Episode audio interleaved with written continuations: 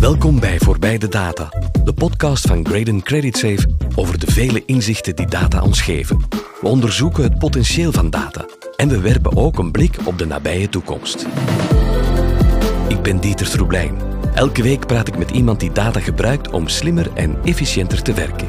Mijn gesprekspartners komen uit verschillende sectoren. Sommigen zijn data nog volop aan het ontdekken, anderen zijn intussen doorgedreven gebruikers. Mijn praatgast in deze aflevering is Joko Dron. Hij is transformatiestrateeg en legt uit welke impact data en digitalisatie hebben op uw bedrijf en op onze maatschappij.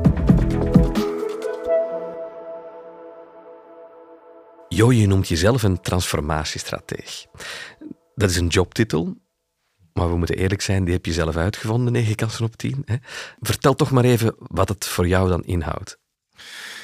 Ja, ik heb dat inderdaad uitgevonden omdat ik niet goed kan uitleggen wat wij juist doen. Mensen vragen, zijn jullie nu uh, futurologen?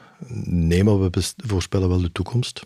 Zijn jullie businessstrategen? Uh, nee, maar we zijn wel bezig met transformatiestrategie. En transformatie is het veranderen van de business in de kern.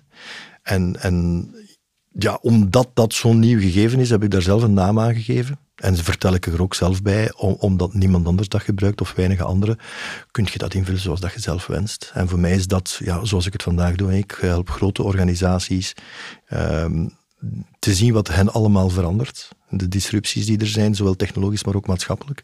En daar dan een toekomstvisie rond te creëren en te proberen een, een transformatiestrategie te maken om van waar ze nu zitten, doorheen die verandering te gaan en naar die toekomst te gaan.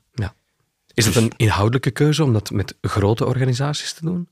Het zijn niet alleen grote organisaties. Wij werken met organisaties voor wie de urgentie groot is en die er klaar voor zijn en de nodige bandbreedte hebben. En dat zijn vaak ook grote organisaties, maar zeker ook niet altijd. Je hebt hm. hele grote organisaties waarvan je denkt, uh, die gaan toch op topniveau heel veel met strategie bezig zijn en die proberen toch al die krachten die de maatschappij en de economie vandaag veranderen, toch in kaart te brengen en daar echt proactief rond te plannen. En dan sta je verbaasd hoe weinig dat ze daarmee bezig zijn. En tegelijkertijd, ik werk bijvoorbeeld heel graag voor zo'n ja, middelgrote familiebedrijven. Ik heb jaren ook in de raad van bestuur van Schoenen Torf gezeten bijvoorbeeld. Uh, dat is geen groot bedrijf, dat is een middelgroot bedrijf, maar die hebben visie. En die hebben ook zoiets als de aandeelhouders, de familie. Als die geloven van die verandering moet gebeuren, dan gebeurt het ook. Hè. Dus die urgentie van uh, we kunnen niet blijven staan waar we nu staan, we moeten transformeren, die moet aanwezig zijn. En dat is vaak bij grote organisaties, maar niet altijd. Werken voor, we hebben voor gemeente Rotterdam transformatiestrategie gedaan, maar evengoed doen we dat voor kleinere steden in West-Vlaanderen, als die urgentie daar maar is. Ja, het gaat over een digitale transformatie dan spelen uiteraard data ook een belangrijke rol bij een onderneming. Ja, klopt. Ja, hoe gaan jullie daarmee aan de slag? Wij zijn geen dataspecialisten, voor alle duidelijkheid. Maar ik heb wel, door het feit dat ik 29 jaar in dat digitale vak zit, uh, heb ik, ik mag dat niet letterlijk zeggen natuurlijk, maar alle hypes. Ik heb alle uh, fenomenen zien komen, zien gaan of zien blijven. En uh, data is daar natuurlijk één van. Hè. Data is, is, is een fenomeen, is zeker geen hype. Uh, data, is, data is ook even gehyped geweest als zijnde, als je data hebt, dan verdien je geld, maar zo eenvoudig is het natuurlijk ja, niet. komen we straks op terug. Absoluut. Maar data is dus fundamenteel in uh, wat we vandaag doen en in die digitale wereld, omdat data zo zeggen, digitale processen aanstuurt. Op basis van data kan je dingen laten gebeuren, maar omgekeerd, elk digitaal proces en elk digitaal uh, touchpoint creëert ook data. Als je vroeger naar de bakker ging, dan ja, kocht je een brood. Als je vandaag naar de bakker gaat en je betaalt met je kaart, dan heb je data gecreëerd. Vroeger niet ging je gewoon buiten en je had een cash-transactie gedaan. Als je online het bestelt, ja, creëer je datapunten. En daarin zit data waar je iets mee kan doen. Als je vroeger de winkel binnen en buiten ging, hadden we geen data. Dus door die digitale wereld en dat digitale ecosysteem is er een proliferatie van data als gevolg van onze handelingen, maar ook eventueel om onze handelingen optimaal aan te sturen. En dat is dus een heel complex proces. En wat is dan precies jullie, jullie taak, jullie meerwaarde, wat dat jullie eraan toevoegen om met die data iets te gaan doen, om tot die transformatie te komen? Wel, de vraag die wij stellen is, waarom, is niet zozeer waarom heb je data nodig. De vraag is, wat ga je gewoon, wat ga je überhaupt doen in die digitale wereld? En dat is een strategische vraag, dat is een businessvraag. En dat, kan, dat is een vraag die je kan stellen aan een bedrijf, maar die kan je ook stellen aan een overheid. Dus het gaat over de finaliteit van het gebruik. En dan komt pas de technologie. En dan komt pas ook de data die technologie zal aansturen. En alweer waar technologie ook de oorsprong van is van die data. Dus data is, is voor mij veel meer tactisch dan strategisch. Strategisch is de finaliteit. Wat wil je bereiken? als organisatie. En vandaag zitten we in een wereld waarin digitaal en technologie een van de veranderende krachten is, maar ook uh, klimaat of migratie veranderen bedrijven en de buitenwereld. Uh, technologie is een kracht die ons daarbij gaat helpen. Technologie kan dingen voorspellen, bijvoorbeeld als we AI hebben. Het zou beter kunnen uh, klimaatmodellen genereren en weersvoorspellingen maken. Mhm. Oké, okay. dus strategisch is, we moeten misschien klimaatrisico's beter uh, proberen in kaart te brengen en te beheersen. Tactisch, we hebben technologie nodig. En die technologie kan alleen maar draaien als die, gebruik maakt van data. Ja, wat, wat me meteen ook opvalt, is dat je dan daar niet alleen mee bezig bent omwille van een bedrijf, een organisatie, een onderneming, maar het ook doortrekt naar de maatschappij hè, ja. in het algemeen. Wel, dat is een evolutie die ik eh, zelf heb gemaakt, ook in mijn persoonlijk leven. Want vandaag, ik praat niet meer over digitale transformatie, maar over impacttransformatie. Omdat ik uh, vind dat... Dus wat, was, wat is eigenlijk voor mij de oorspronkelijke definitie van digitale transformatie? Dat is dat je disruptoren hebt, digitale disruptoren, bijvoorbeeld de komst van Amazon voor retail, of de komst van Netflix voor de entertainmentwereld, dat is een disruptor. En het gevolg daarvan is een transformatie. De sector past zich aan. Het bedrijf past zich aan. VTM past zich aan. Uh, Colruyt past zich aan als, als het gaat over retail, bijvoorbeeld. Dat is transformatie. Dus die logica was, een digitale disruptor leidt tot een businessverandering, een business-transformatie. Alleen als je vandaag gaat kijken, dan zijn die technologische disruptoren, ja, dat is nogal, die zijn daar, maar daarnaast zijn er andere disruptoren, die zijn maatschappelijk van aard wat we vandaag zien in de maatschappij, uh, polarisatie die er is, uh, migratie, uiteraard klimaatuitdagingen, woon-werkproblematieken, mobiliteitsproblematieken. Als je vandaag een retailer bent, of je bent een onderwijsinstelling, of je bent een overheid, het vraagstuk van wat verstoort ons, blijft hetzelfde vraagstuk, maar het is niet alleen digitaal. Er zijn ook maatschappelijke en andere krachten die ons verstoren. Het proces om daarmee aan de slag te gaan, begrijpen waar gaat die toekomst dan naartoe en dan daar een strategie uit maken, is exact hetzelfde. Dus vandaar, als wij kijken, als je vandaag aan mij vraagt wat is nu de belangrijkste kracht die de wereld verandert, is het niet meer digitaal. Vijf jaar geleden wel. Vandaag is het digitaal plus een hele reeks andere krachten. Maar wat we geleerd hebben van na te denken over als digitaal ons impacteert, waar leidt het dan toe? Dat proces blijft exact hetzelfde. Alleen je neemt meer verstorende krachten mee in rekening. Je bent enorm gepassioneerd hè, door het thema. Je schrijft er ook boeken over en geeft lezingen. Eh, hoe is dat gekomen dat je die, die passie zo hebt gekregen? Dat is een evolutie. Hè. Ehm, ik ben een, een, wat dit betreft een self-made man. Ik heb uiteraard wel een diploma en zo, maar ik heb nooit gestudeerd voor wat ik nadien ben gaan doen. En uh, de passie voor innovatie en waar dat dan toe leidt, die is er altijd geweest al van kinds af aan. Ik had mijn eerste, ik ben van 1968, dus ik ben 55 jaar en ik had mijn eerste computer op mijn 12 jaar, wat relatief atypisch was. Uh, eerst een Sinclair ZX81 en nadien een Atari trouwens. Uh, dus ik was altijd al bezig met nieuwigheden en hoe dat dan de wereld veranderde. En dus ik heb me enorm kunnen uitleven in die 20, 25 jaar dat ik internetpionier was. Hè, want dat was gewoon het ene nieuwe na het andere. Van websites gingen we naar mobiel en gingen we naar sociale media. En eh, de metaverse, ja dat is dan nu, maar dat was dan Second Life toen. Dus allemaal nieuwe dingen. Uh, tot op een bepaald ogenblik bedrijven begonnen te zeggen, ja, maar zo onschuldig is dat niet. Dat nieuwe ding, Uber bijvoorbeeld, verstoort wel de taxi-industrie. Of dat andere nieuwe ding, Airbnb, verstoort wel de leefbaarheid in een stad. Eerst misschien de hotelsector en dan de leefbaarheid in een stad. En dan begin je het bruggetje te maken van, ja, veel van die dingen die gebeuren, zijn niet onschuldig. En zijn niet alleen maar innovatie ten goede, maar hebben gewoon ook een impact op de maatschappij. En als je dat doorhebt, dan begin je te zien, ja, en het zijn alweer, zoals ik daarnet ook al zei, niet alleen digitale krachten die die impact hebben, maar ook andere maatschappelijke krachten. En voor je het weet, en dat heeft misschien ook te maken met de leeftijd, dan zeg je, ja, mijn doel in het leven is niet alleen meer bedrijven helpen die digitalisering en die transformatie te begrijpen, maar is ook te helpen om impactvol te zijn in een wereld die, die ons toch voor enorme uitdagingen stelt. Dus het is ook een persoonlijke journey. Mhm. Dus de drive voor innovatie heeft er altijd in gezeten. Maar die persoonlijke journey om daarmee aan de slag te gaan, niet alleen om een bedrijf digitaal succesvol te maken, maar gewoon relevant in de maatschappij te houden. Ja. Zal ik meteen even iets persoonlijker worden? Hè? Op, op de website van, uh, van je bedrijf Copernia, het voormalige Duval Union Consulting. Hè. Daar lees ik: The best way to predict the future is to invent it yourself. Ja. Ja, dus de beste manier om de toekomst te voorspellen is gewoon door die toekomst zelf uit te vinden. Hè. Eh, je nieuwste boek heet trouwens De Toekomstformule en gaat over hoe we steeds meer moeten omgaan met serieuze systeemschokken. Ja. Uh, klimaatrampen en de coronapandemie bijvoorbeeld. Hè. Je hebt er net nog een paar uh, dingen opgesomd, waardoor we ja, de spelregels moeten herschrijven. Nou, het lijkt me dat je steeds meer aan het evolueren bent van digitale transformatiestrategie naar, zoals je eigenlijk in het begin al zei, naar een toekomststrateeg. Ja, dat is een beetje mijn pad. Hè. Dus uh, als logisch gevolg van alles wat ik daarvoor heb gedaan. En, en technologie en digitaal blijft een van de belangrijke onderliggende krachten. Maar je gebruikt geen glazen bol, hè, voor alle duidelijkheid. Nee. Je gebruikt eigenlijk juist die gegevens die er al zijn, om daaruit een visie te maken met tot wat het zal leiden. Ja, klopt. Want uiteindelijk is de toekomst voorspellen onmogelijk en tegelijkertijd heel eenvoudig. Mhm.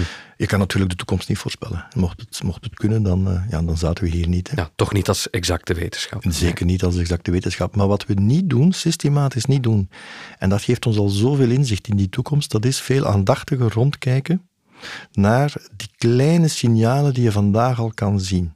En ik geef al jaren hetzelfde voorbeeld in mijn vorig bedrijf, ondertussen meer dan 15 jaar geleden. Ik had een, een digitaal bureau. Mm -hmm. En daar liepen jonge mensen rond met kleine harde schijven. En die deelden die harde schijven met elkaar. En op die harde schijven, daar stonden uh, heel er seizoenen, alle episodes van ontelbaar veel coole series. Allemaal uiteraard illegaal van het internet geplukt. En dat was de voorloper van Netflix. Netflix bestond niet in die vorm. Dus je moest alleen maar kijken en zeggen, wat doen die mensen? Ja, die willen een hele catalogus, die willen kijken wanneer ze willen, die willen kunnen binge-watchen. Dus je moet daar alleen maar op verder denken van, stel je eens voor dat dat doorbreekt, dan heb je een innovatie. Dan heb je misschien zelfs iets wat de hele mediawereld zal omwentelen. En zo kan het met alles. Als je, je, denkt, je kijkt en je ziet overal, als je aandachtig kijkt, zie je overal vandaag indicaties van hoe de wereld morgen zou kunnen zijn. Zeker bij bijvoorbeeld groepen van jonge nieuwe gebruikers, die gedragen zich misschien anders. Hoe is dat? Gaan die zich dan later terug conformeren en in het pad van de ouders? Of is wat we nu daar zien toch het begin van iets totaal nieuw? En dan moet je maar één vraag, moet je mezelf maar één vraag stellen. Dat is, wat als dat kleine marginale fenomeen wat je ziet, wat als dat mainstream wordt? En hoe meer je dat doet, hoe meer je patronen begint te zien. En hoe meer je ook ziet dat die dingen aan elkaar hangen. En geleidelijk ontstaat er een beeld van de toekomst. Dat beeld is niet correct, maar heel vaak zit het er niet ver naast. Ik ga er nog een uitspraak aan toevoegen. Data is het nieuwe goud. Dat horen we al lang en data moet je gaan verzamelen om het te monetizen. Maar daar ben jij het toch niet helemaal mee eens? Het is niet het nieuwe goud, tenminste niet voor iedereen. Ja, data is um, superbelangrijk. Data is effectief de olie die de digitale machine doet draaien. Maar wie verdient er geld met olie? Dat zijn oliemaatschappijen. Mhm. Wie verdient er geld met data? Dat zijn bedrijven die echt gericht zijn op het monetiseren van die data of van een product dat alleen kan werken door die data. En je kan een aantal van die bedrijven opnoemen. Er zijn obscure bedrijven die niemand kent, zoals Palantir, maar dan natuurlijk diegene die iedereen kent, Meta of Facebook, Google, een aantal hele grote, die echt hun businessmodel hebben gebouwd op het, het monetizen van die data. Maar ze zijn niet zo ontstaan, hè? of toch wel? Goh, ik ga eerlijk zijn, ik ken de ontstaansgeschiedenis van zowel Facebook als Google zoals we het allemaal kennen, wanneer de idee is gekomen van we doen alles eigenlijk gratis en de klant is het product, maar natuurlijk zelfs de klant is niet het product, maar de data rond die klant is het product en daarmee kunnen we op een nieuwe manier relaties bouwen tussen adverteerders en gebruikers. Of dat dat vanaf dag één in het hoofd van uh, Brin en, en Page van Google of van Zuckerberg zat, dat weet ik niet. Maar ik heb het gevoel van wel, want ze zijn ontstaan in een periode waarbij uh, alles wat toen in de markt kwam, was op die mantra gebaseerd. Het product is de klant of de data en we gaan dat monetizen en dat gaat schalen en we gaan er heel veel geld mee verdienen. En ze hadden gelijk, in hun geval hadden ze gelijk.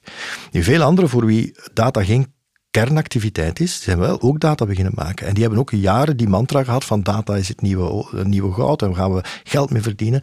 Maar die zijn daar niet in geslaagd. Hè. Banken hebben geprobeerd van data te monetizen, is niet gelukt. Retailers hebben geprobeerd om dat te monetizen. En op Amazon na, die veel geld verdient met de verkoop van hun data, blijven retailers retailers en banken blijven banken. Maar degenen die echt geld verdienen met de data, dat zijn die nieuwe spelers, de Facebooks, nieuw. Zo nieuw zijn ze vandaag niet meer, maar toen nieuwe spelers die een hele imperium vanaf dag één erop gebouwd hebben.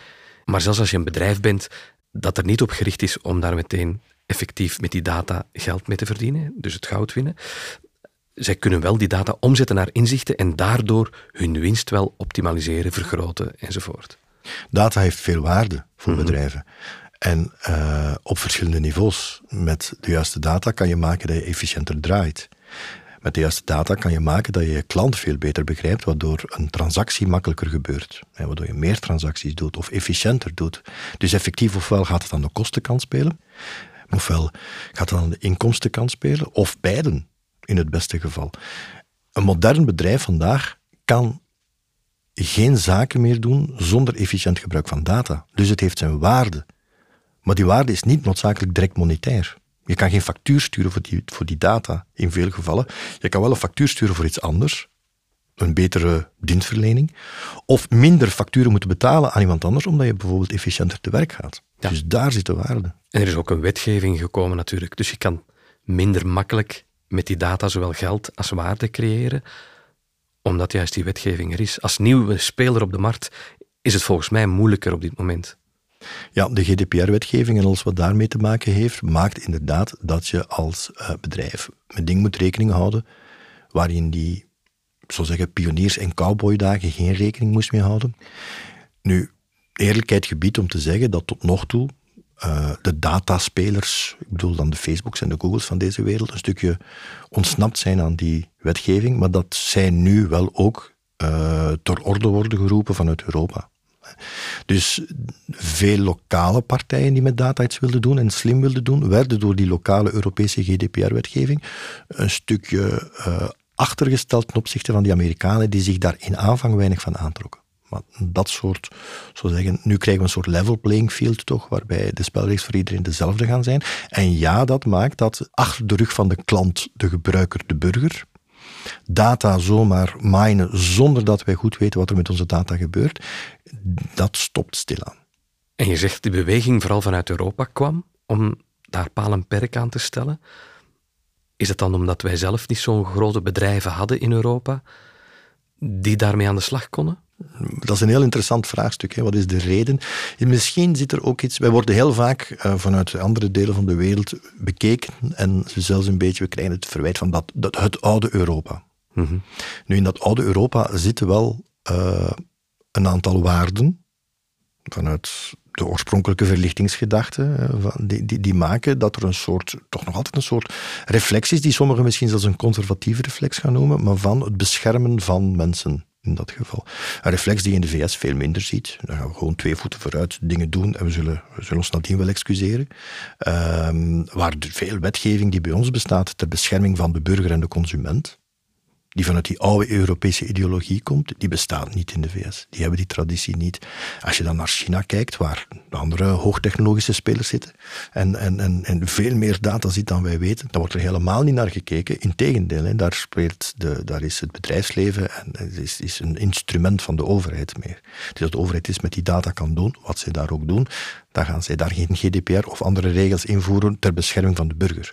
Dus in Europa hebben we een een, een, bijzondere historische situatie, maar het kan ook te maken hebben met het feit dat als we dan die wetgeving zouden invoeren, dat er inderdaad ook heel weinig Europese bedrijven zouden zijn die we daarmee zouden beschadigen. Want we hadden op het moment van die nieuwe wetgeving, ook nu rond de nieuwe AI-act die er is vanuit Europa, wetgeving rond AI, wij hebben gewoon geen geen koplopers. En we hadden ook geen koplopers in sociale media of in retail. Oké, als, je, als je Zalando even buiten beschouwing laat, maar de Amazons en de Alibaba's zaten allemaal buiten Europa, dan is het ook gemakkelijker om stringente wetgeving te maken. Dus het is een beetje dubbel. Ik denk toch wel enerzijds historisch-ideologisch, het zit in ons DNA. Anderzijds, we hadden ook minder te verliezen dan die Amerikanen als die wetgeving aan hun eigen bedrijven zouden opleggen. Ja. Nu even terug naar het positieve. Data moet je in de eerste plaats gebruiken om relevant te blijven als bedrijf. Ja, klopt. En data laat je toe, of als ik het anders, als ik het omgekeerd stel, zonder data ben je niet meer in staat om vandaag efficiënt bedrijfsvoering te hebben, efficiënt klantvriendelijk te zijn. Een klant verwacht van jou dat als je contact opneemt met een contactcenter, als je een probleem hebt en dat probleem blijft een tijdje doorgaan, dat telkens als je iemand nieuw aan de lijn hebt, dat die weet waarover jouw probleem gaat. Nochtans is dat nog vaak zo.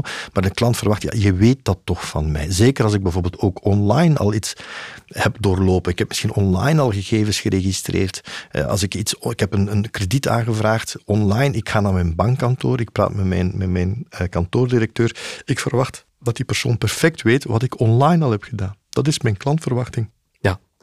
Als je dat niet kan bieden, ja, dan loop je achter als bedrijf vandaag. En je kan dat niet bieden als je die data niet goed gebruikt.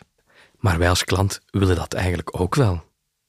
Wij als klant willen dat gebruiksgemak, absoluut. Als klant zijn wij, we zijn vragende partij. Dat is ook een beetje een dubbel natuurlijk. Aan de ene kant hebben we die bezorgdheid over wat doen ze met onze data. Hoe minder we bezorgd zouden zijn, hoe efficiënter de dienstverlening zou zijn en hoe predictiever Google zou zijn, onze gedachten bijna kunnen lezen voor die, die volgende stap die we willen zetten. Dat we zeggen, wow, dat is fantastisch dat Google dat weet van ons, wauw. Maar of simpelweg om aan informatie te komen. Ik zal maar zeggen, je bent ergens in een stad waar je wil gaan eten en je kent de restaurants niet dan ga je toch even kijken, hoe ziet het eruit, het restaurant? Ja. Um, krijg je eventueel een goede review? Wat zegt de menukaart? Daar kan je al heel veel uit opmaken. Als ze geen website hebben of, of niet te vinden zijn op het internet, Absoluut. kan je al een beetje argwanend worden. En dat is natuurlijk dat delicaat evenwicht. Dit willen we. Ik, ik ga nergens nog eten zonder eerst gecheckt te hebben wat, wat, is dat restaurant of, of uh, welke scores krijgt dat. Eventueel inderdaad, zoals je zegt, de menukaart op voorhand is bekijkend. Zeker als ik met mijn lastige kinderen ga eten die niet alles eten. uh, dus dat doe je natuurlijk. Maar stel je eens voor, dat is die volgende stap, dat je zou zeggen, eigenlijk weet dat restaurant via je betaal betaalhistoriek. Wat je gegeten hebt natuurlijk, want dat staat op je rekening. Maar Google mindt die informatie ook. En Google ziet dat je systematisch geen vis eet, zeg maar wat. En dat de volgende keer dat je een restaurant voorstelt, is dat sowieso geen visrestaurant. Want je weet uit je betaalgedrag dat je geen vis eet. Want dat staat nooit op de rekening, omdat je het nooit besteld hebt in restaurants. Dan zou ik zeggen van wacht eens even, dat vind ik al te vergaand. Dus die data, ik zelf als gebruiker wil absoluut dat ik die data kan gebruiken om me te oriënteren, maar je mag die grens niet overgaan. En dat is natuurlijk het goede. In Europa is dat gereguleerd. Je kan daar die grens niet zo makkelijk meer overgaan. Want anders is die data gaat mij als klant als consument helpen, tot ik het gevoel heb dat, dat je te veel in mijn privéwereld komt en dat ik het niet meer vertrouw. En dan moet je opletten dat je bedrijf niet wegduwt. Ja, is het dan niet evidenter als ze gewoon vragen aan ons wat ze van ons willen weten en dat we hen dat geven. Ja. Maar natuurlijk, dat is een beetje het probleem. Als je echt gaat graven in wat bijvoorbeeld Google en Facebook van ons weten, dan weten die dingen, dat als je dat zou gaan opzoeken, en je kan dat, hè, je kan in principe je data gaan analyseren, eh, dat je zegt van, ik vind het scary dat ze dit van mij weten. Ik ben 55. Ik wil je niet vertellen welke reclames ik plots begin te krijgen. ik weet niet hoe zij weten dat ik 55 ben, want dat staat niet in hun systemen en ze weten het. En dan denk ik van, soms voelt het alsof ze, ondanks de Europese regelgeving, dat ze toch dingen van mij weten die ik niet zou willen weten. Traplift, een hoorapparaat. traplift, een hoorapparaat. Hoorapparaat, eh, gehoorbescherming, maar dat is misschien omdat ik naar concerten ga. Ja. Dus dat, dat, ja, dat soort dingen. Dus ja, dat je zegt van, ze weten meer dan ik zou misschien zelf declareren. Tot nog toe nooit dat ik zeg van, dit is erover. Um, maar het is een dunne grens. Ja, het heeft misschien ook te maken met uh, klantenkaartsystemen. Hè?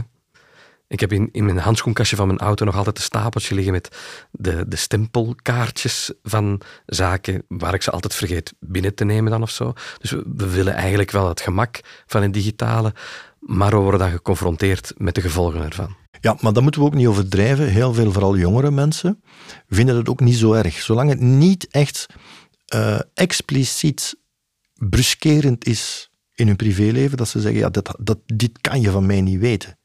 Hoe, kan die data überhaupt bestaan? Hoe kan Google die toegang hebben tot die data? Zolang dat dat niet gebeurt, denk ik dat er een generatie mensen is die zich er minder zorgen om maakt dan, dan, dan wij, die het allemaal hebben zien stilaan gebeuren. Dus ik denk ook, uh, op dat vlak ben ik absoluut optimist. We moeten die data gebruiken als bedrijven ten goede, voor onze eigen bedrijfsvoering en voor het gemak van de klant. We moeten die klant zoveel mogelijk vragen, eigenlijk altijd, wat wil je dat we doen met die data? En ook de, de regelgeving evolueert alsmaar meer in de richting dat de klant zelf eigenaar ook is van die eigen data. En op basis daarvan moet je gewoon een win-win zoeken met die klant. Efficiënt voor die klant, efficiënt voor de organisatie, voor het bedrijf. Even heel concreet nu. Hoe kan een bedrijf wel meerwaarde creëren dankzij al die data? En wat zijn voor jou de succesverhalen? Um, ja, dat is een heel moeilijke vraag, omdat het heel breed gaat. Hè. Uh, wat, wat, is een bedrijf? Um, een bedrijf kan een onderwijsinstelling zijn die op basis van het digitale parcours wat studenten doorlopen, weten eigenlijk per klas, per les, per deel van het leerprogramma, een individuele student is mee. Nog voor er toetsen zijn, voor er taken of examens zijn, die is mee. Die volgt, die heeft begrepen wat er gezegd wordt. Dat is data.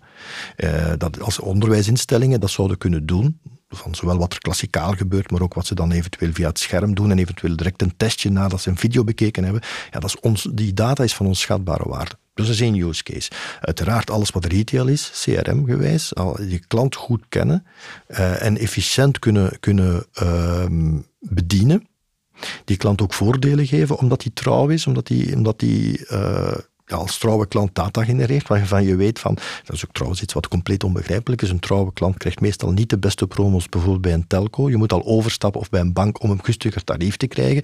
Ja, dat is de wereld op zijn kop. Op basis van die data zou je kunnen weten, ja, dat is een betrouwbare klant en een trouwe klant, betrouwbaar is niet het juiste woord, maar een trouwe klant, we gaan die net meer incentiveren. Dus als je over retail praat en alles wat je B2C dingen verkoopt, dan is alles wat CRM betreft, B2C CRM, een heel belangrijke. Maar je hebt natuurlijk ook gewoon CRM in de breedte, alles van bijhouden van salesactiviteiten, ook B2B. Ook daar terug, als je vandaag zou gaan kijken hoeveel professionele B2B salesorganisaties, waar eigenlijk het salesteam op een armoedige manier het CRM-systeem gebruikt, aanvult met data, ja, dat is een gigantisch gemiste kans. Heel veel salespersonen draaien nog op post-it notes en een eigen spreadsheetje en op gesprekken met, in een salesmeeting met de collega's, maar niet op het voeden van hun eigen resultaten of data of stappen in een salesproces aan het systeem, waar het systeem terug slimme dingen mee kan doen. Dus er zijn nog heel veel gemiste kansen ook. Ja, het systeem moet slimme dingen doen, want er moet een analyse gemaakt worden en uit die analyse moet er conclusie getrokken worden en eventueel dan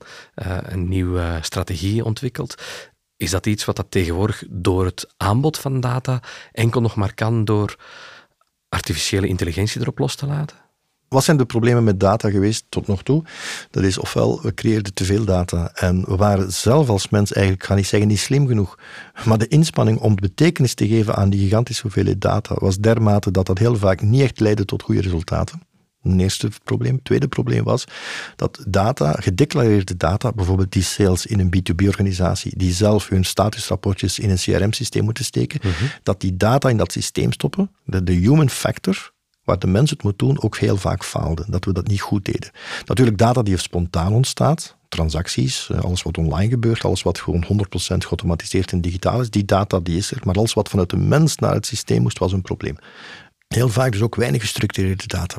Dat wil zeggen dat uh, uit weinig gestructureerde data daar de nodige intelligence uithalen, was historisch een gigantisch probleem. Zeker als dat over grote hoeveelheden data ging.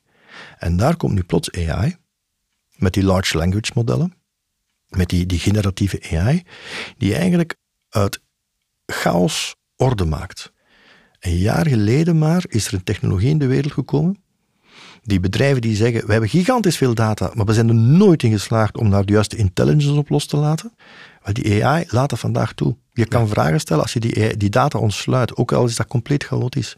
Met die AI, dan kan je vragen gaan stellen, analyses gaan opdraaien, die vroeger een fortuin zouden gekost hebben. Dus ik verwacht een gigantische versnelling van het efficiënt gebruik van beschikbare data voor bedrijven die er misschien al jaren mee bezig waren, maar er op de oude manier niet in slaagden om dat efficiënt te doen. Ja, en we zijn geëvolueerd van big data naar smart data, dankzij AI dan.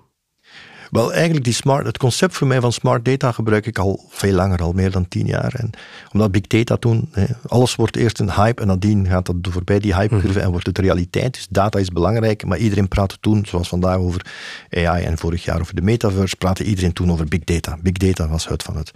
En heel snel hebben wij gezegd, ja, big data gaat over hoeveelheden. En als je hoeveelheden, grote hoeveelheden data hebt, dan ga je inderdaad daar zinvolle dingen mee kunnen doen. Maar als je grote hoeveelheden van de verkeerde data hebt, of je doet er niet het juiste mee, dan is het domme data. Heel veel, maar dom. Je kan dan beter weinig data hebben, maar de juiste data, omdat je er juiste dingen mee doet. Dus smart data, dat concept is veel sneller ontstaan. Uh, als zijnde de zoektocht, of het doel van de zoektocht is niet zo snel mogelijk zoveel mogelijk data te, te, te verzamelen en dan vervolgens niet te monetizen. Zoek nu eens gewoon die use cases en die types van data waar je waarde mee kan maken. Dat was het concept van smart data. Nu, wat krijg je nu door artificiële intelligentie? Dat is dat eigenlijk bijna alle data mogelijkerwijs terug smart data wordt. dankzij die AI. Omdat wat wij als mens eigenlijk, waar wij niet in geslaagd zijn om daar structuur en, een zin aan te geven. Kan AI wel. Kan AI vandaag mhm. al laten staan binnen een jaar of binnen vijf jaar. Ja. Dat maakt heel wat mensen angstig. Terecht. Is het dan omdat we nog niet weten hoe we ermee moeten omgaan, of omdat we beseffen dat AI of organisaties en mensen met minder goede bedoelingen een gevaar kunnen vormen? De, de angsten, want het zijn er meerdere, die bestaan rond AI, zijn, zitten op verschillende niveaus. Ehm, je hebt de angst rond de AI, de AGI, zoals het dan genoemd wordt, de superintelligence. Eigenlijk is nog een stapje verder, die superintelligence. Maar AI die zou doorevolueren tot op een niveau dat het uh, menselijke capaciteiten ver overstijgt. En in staat zou zijn, theoretisch, om ons buitenspel te zetten. Er zijn mensen, zelfs mensen die aan de basis liggen van de ontwikkeling van AI, zelfs mensen zoals Elon Musk, die een van de vaders was van OpenAI, maar dan in ruzies daar is weggegaan. Maar ook bepaalde mensen binnen OpenAI, het bedrijf achter ChatGPT, mensen bij Google, de AI-divisie, die zeggen, we mogen dat risico niet onderschatten. Als we niet opletten, uh, ik denk dat het Harari was die sprak over het Oppenheimer-moment. Dit is ook een beetje zoals hè, de jaren 40, kernenergie, mogelijkheid om de atoombom te maken, maar do we contain the technology? Een terechte angst. Niemand weet het. Uh, het risico is niet uit te sluiten dat AI een situatie creëert op lange termijn waar wij als mensheid van zeggen, dit is ongewenst. Ja, en dan heb je het over het systeem, hè? want je hebt ook nog altijd mensen die AI kunnen aansturen met slechte bedoelingen. Ja, wel, maar dat, en, dat brengt ons veel meer bij de pragmatische problemen die er zijn, en die zijn er nu. Uh, als we kijken naar wat AI kan, dan zal AI een gigantische impact hebben op de werkstelling. Als we dat niet goed beheersen en beheren in de toekomst, dan is er een risico. Ik zeg heel vaak de laatste tijd, AI maakt dat white collar de new blue collar is. Blue-collar werk is in de jaren 80, 90 voor een groot stuk verdwenen, geautomatiseerd en weggeduwd naar het Verre Oosten. Als we niet opletten, wordt white-collar werk, denkwerk, intellectuele arbeid voor een groot stuk weggeduwd naar de computer, naar AI.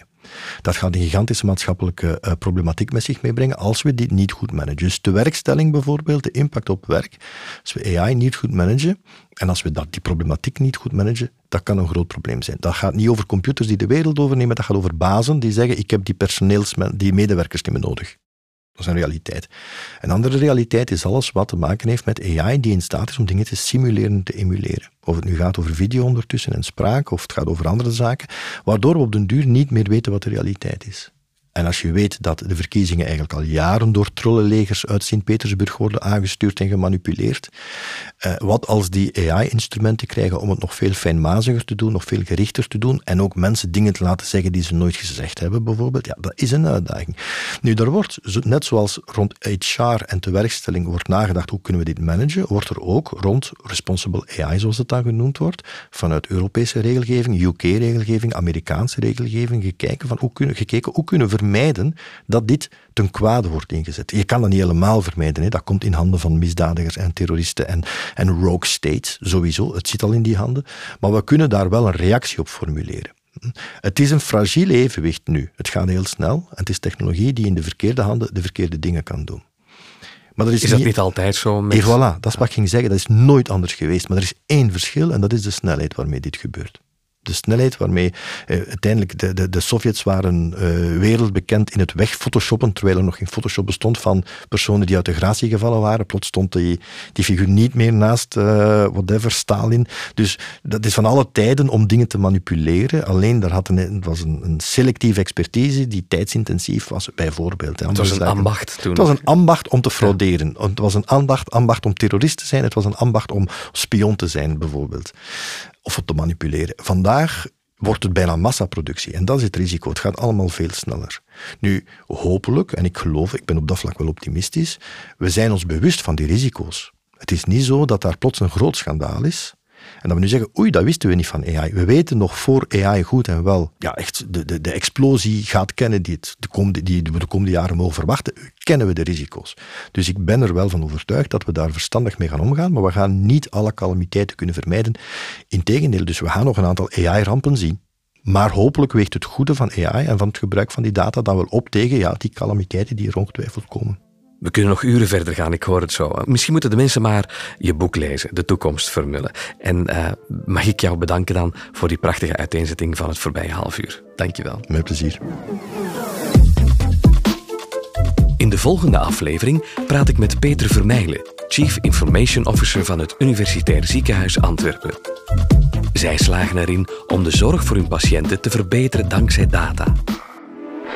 Inschatting die een arts gaat doen is altijd subjectief. Terwijl de algoritmes, die digitale tools die we vandaag hebben, die zijn in staat om op de millimeter na te gaan berekenen hoe dat zo'n tumor evolueert. Lijkt me boeiend.